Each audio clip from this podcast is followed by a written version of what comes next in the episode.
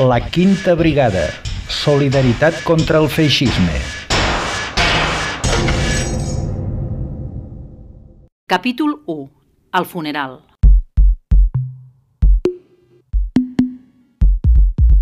El 10 de febrer de 2011, Joan Trilla Pinós, natural de les Pallargues, a la Segarra, es posa en contacte amb un amic seu, el targarell Jaume Ramon Soler. Els dos són aficionats a la història.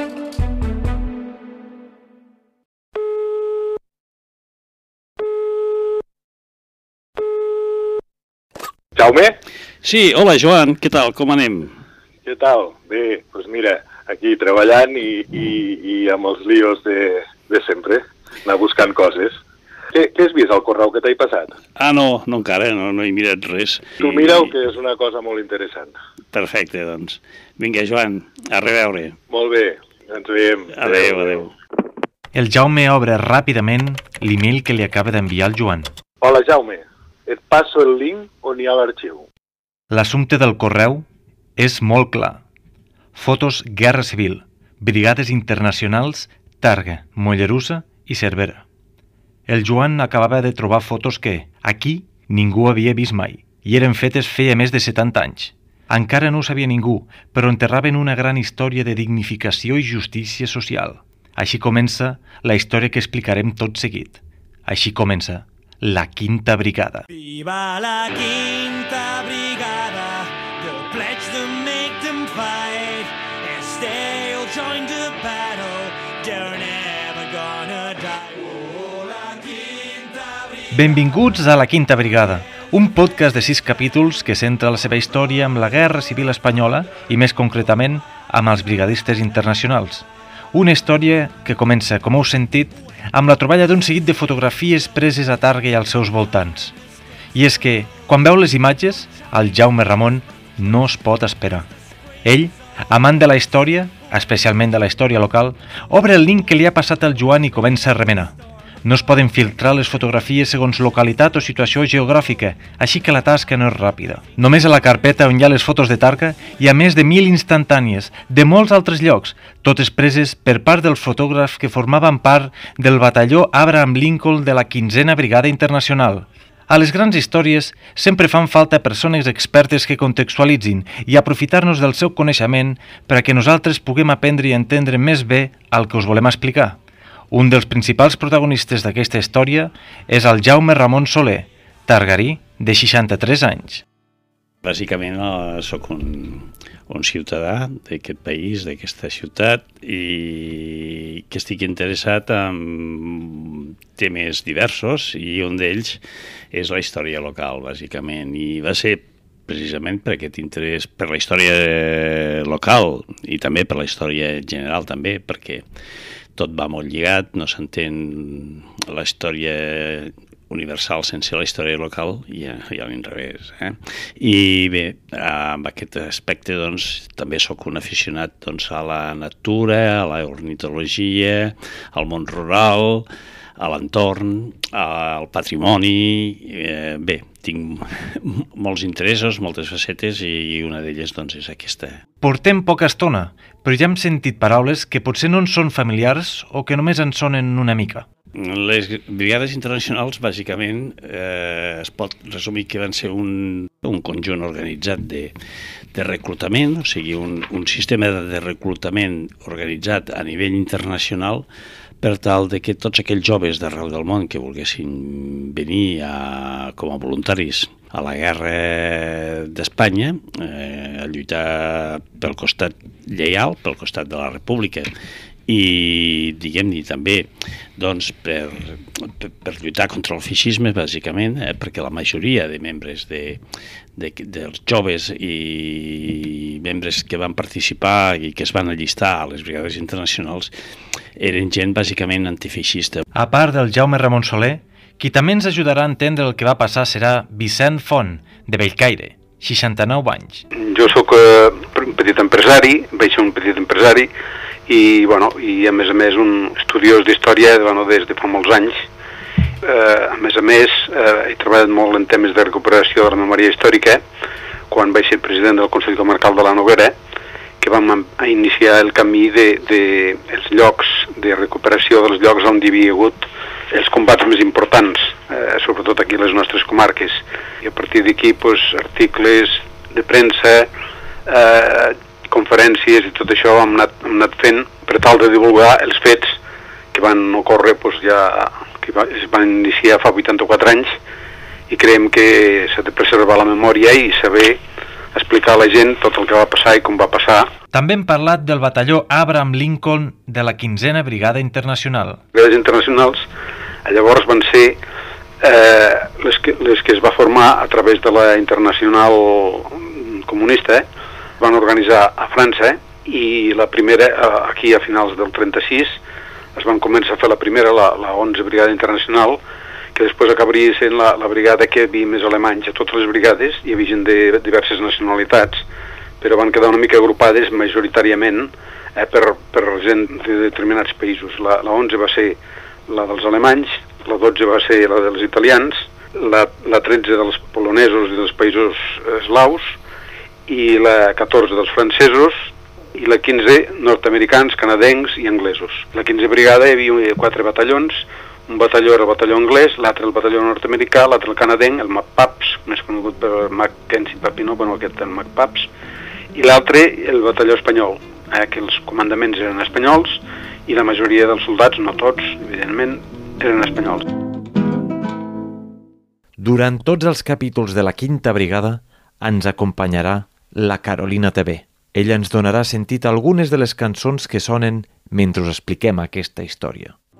And ten years before I saw the light of morning, a comradeship of heroes was laid.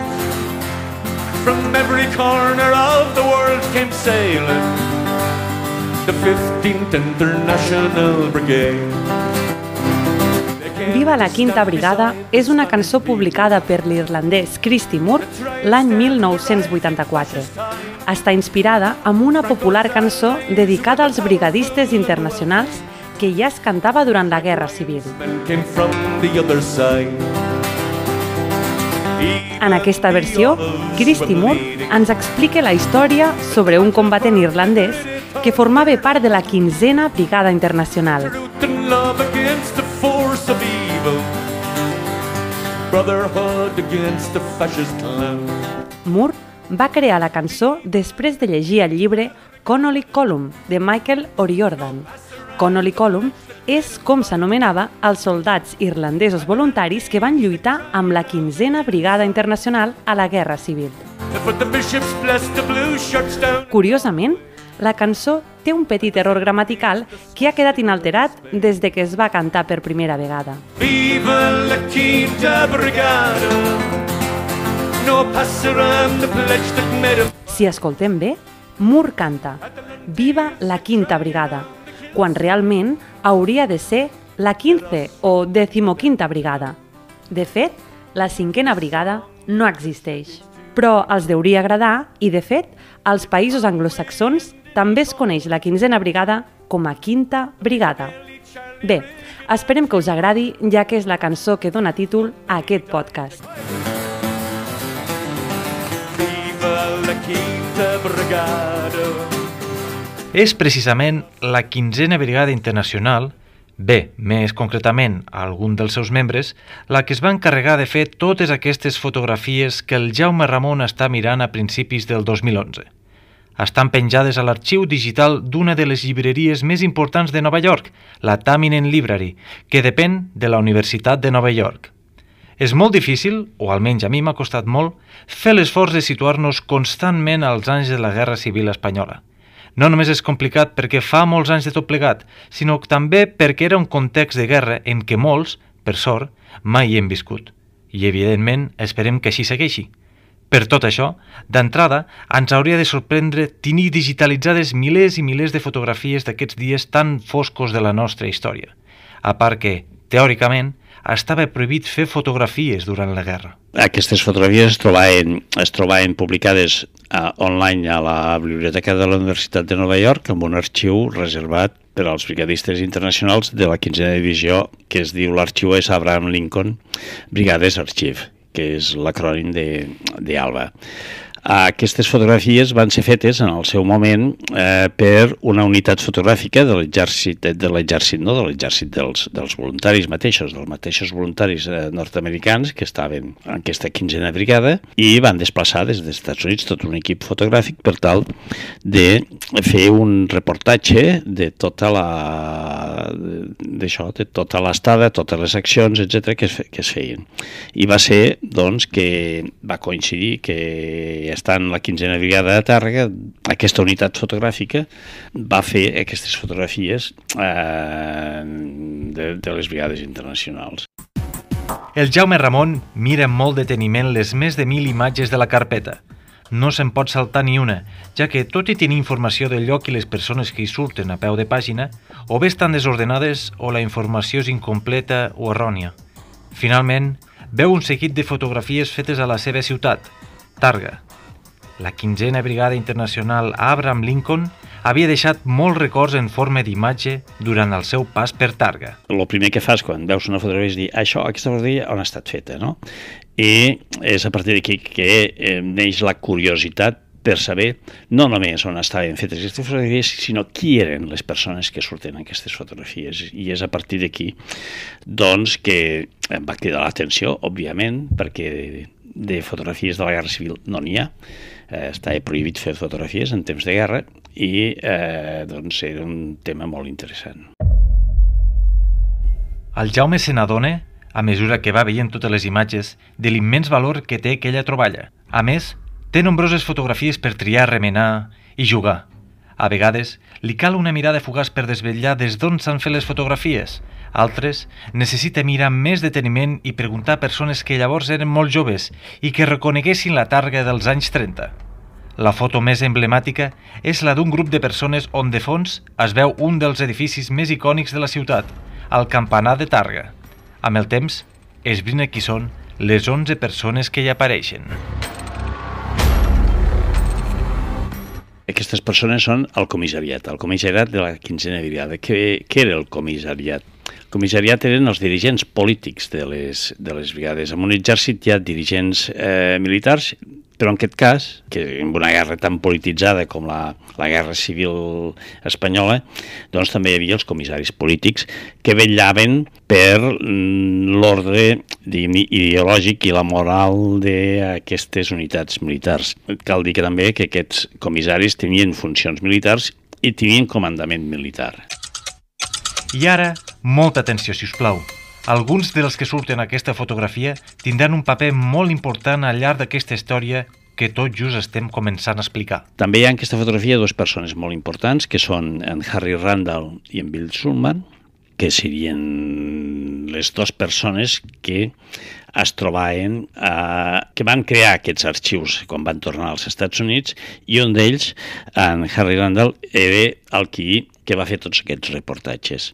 També aquí hi ha una persona molt important, que és el John Gage, que és un principal comissari de la unitat del, de la 15a Brigada Internacional, el comandament màxim d'aquesta brigada, i que doncs, eh, va ser, era un membre destacat del Partit Comunista Nord-Americà que va tenir doncs, la, seva, la seva importància, la seva participació amb un llibre que després, més, uns anys més tard, quan als Estats Units va publicar Història d'un comunista americà, en què explica la seva, tota la seva vida i fins i tot els motius de perquè l'any 56 es dona de baixa del Partit Comunista quan la URSS, quan la Unió Soviètica envaeix Hongria. Eh, bé, hi ha moltes altres persones dels països de Gales, d'Anglaterra, hi ha aquí un cas molt curiós perquè tenim l'Antonio Pujol. L'Antonio Pujol era fill d'un menorquí i una mexicana que va emigrar a Mèxic i es va casar amb una mexicana i aquest és un fill d'en ell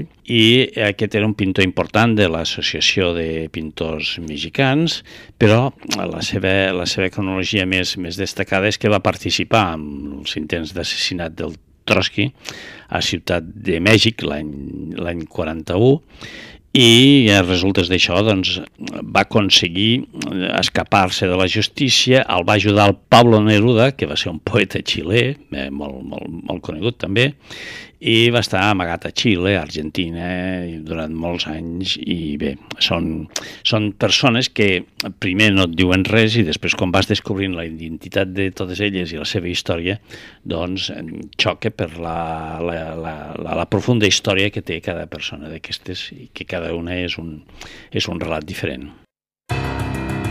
El Cesc Sarri ens ajuda a resumir alguns dels noms destacats. Harry Randall, sergent de la 15a Brigada, cap de la unitat fotogràfica i creador dels arxius Abraham Lincoln Brigade Archives, altrament dit ALBA.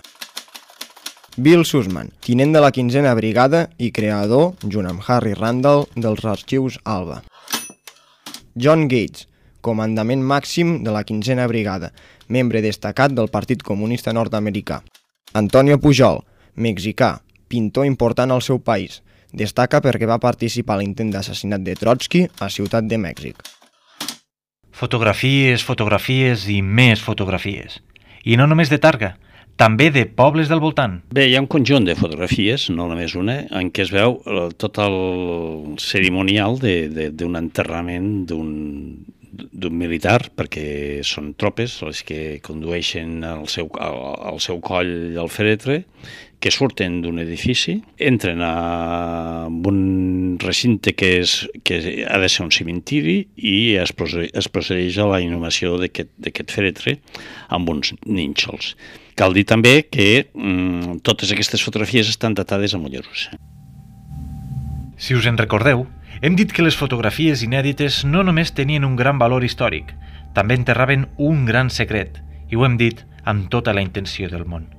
Però els grans secrets no surten d'un dia per l'altre. A vegades surten a la llum per casualitat, d'altres per dedicació, d'altres perquè no aguantaven més a la foscor. Començàvem la història al febrer del 2011, però els anys passen volant. Sí, ho heu sentit bé, els anys. Del 2011 al 2014, el descobriment d'aquestes fotografies tan sols comporta dues reaccions.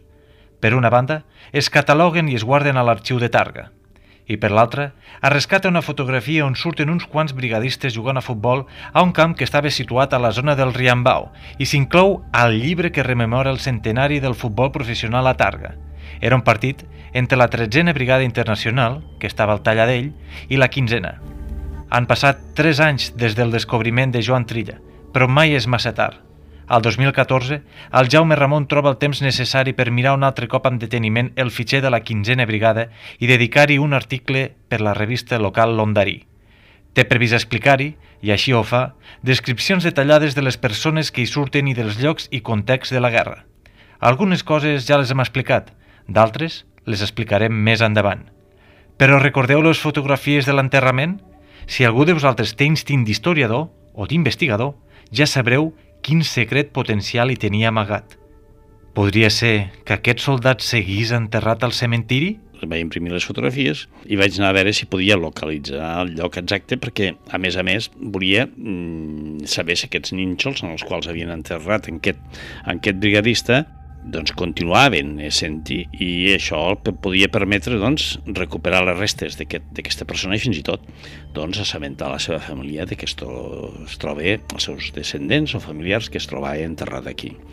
Va anar al cementiri de Mollerussa i no quadrava res, les fotografies no podien estar preses, la porta era diferent, les, els ínxols eren diferents, la, la, o sigui, tot el cementiri mm, és, era, era molt... Mm, no, no corresponia eh, al cementiri de Mollerussa. Potser hi havia un error a la descripció de les fotografies? Podria ser que aquell cementiri no fos el de Mollerussa? I amb aquestes, pensant, mm, vaig tornar Uh, és cert també que amb una publicació es deia que el militar aquest William Ditch, que el, les fotografies sí que les menten, es deia que havia mort a Tàrrega amb algun document, amb un document fins i tot mm, manuscrit dels mateixos brigadistes que es troben en uns arxius de Moscou. William Dix. El soldat enterrat es deia, segons els apunts de peu de pàgina de l'Alba, William Dix. Pel que fa als documents de Moscou, Ja en parlarem un altre dia, que tenim molts capítols per endavant. De moment, ens hem de quedar amb el més important. Si el cementiri no era el de Mollerussa, podria ser el de Targa? Amb això el que vaig fer va ser anar al cementiri de Tàrrega i la qüestió va ser indubtable, o sigui, la porta de forja és la mateixa, els elements és la mateixa i els nínxols en els quals es fa l'enterrament davant de tot l'estat major de, de, de l'exèrcit de la república i, del, i, del, i de les brigades internacionals són els nínxols que encara en aquell moment vam poder comprovar de que estaven intactes i sense cap nom amb aquests, amb aquests nínxols. Eh? I això doncs, va ser una, una troballa que, que em va emocionar molt perquè havíem, gràcies a unes imatges fetes fa més de 80 anys, vam poder mm, saber que en el cementiri de Targa, al maig del 38, es va enterrar un ciutadà nord-americà, un tinent de l'exèrcit que tenia noms i cognoms, amb William Ditch, i que doncs, es va in- inhumar al cementiri de Targa. Som al febrer de l'any 2014. Fa molt fred i la boira és tan espessa com s'espera d'un matí d'hivern a aquesta zona de Ponent.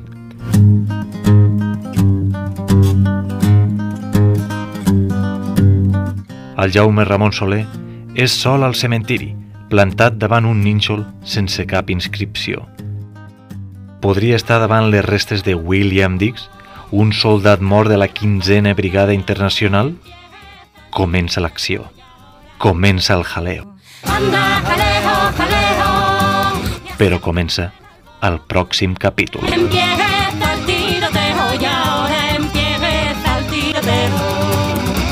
Guió i narració, Miquel Ramon. Edició del programa, Vanessa Leiva, col·laboradors del programa, Carolina TV, Cesc Sarri, Andreu Boswell, Jaume Ramon i Joan Ferrer, i amb l'ajuda de tot l'equip de Ràdio Targa, Gemma Peris, Gemma Carceller, Vanessa Leiva, Ramon Puiggener i Aleix Cruz. Anda.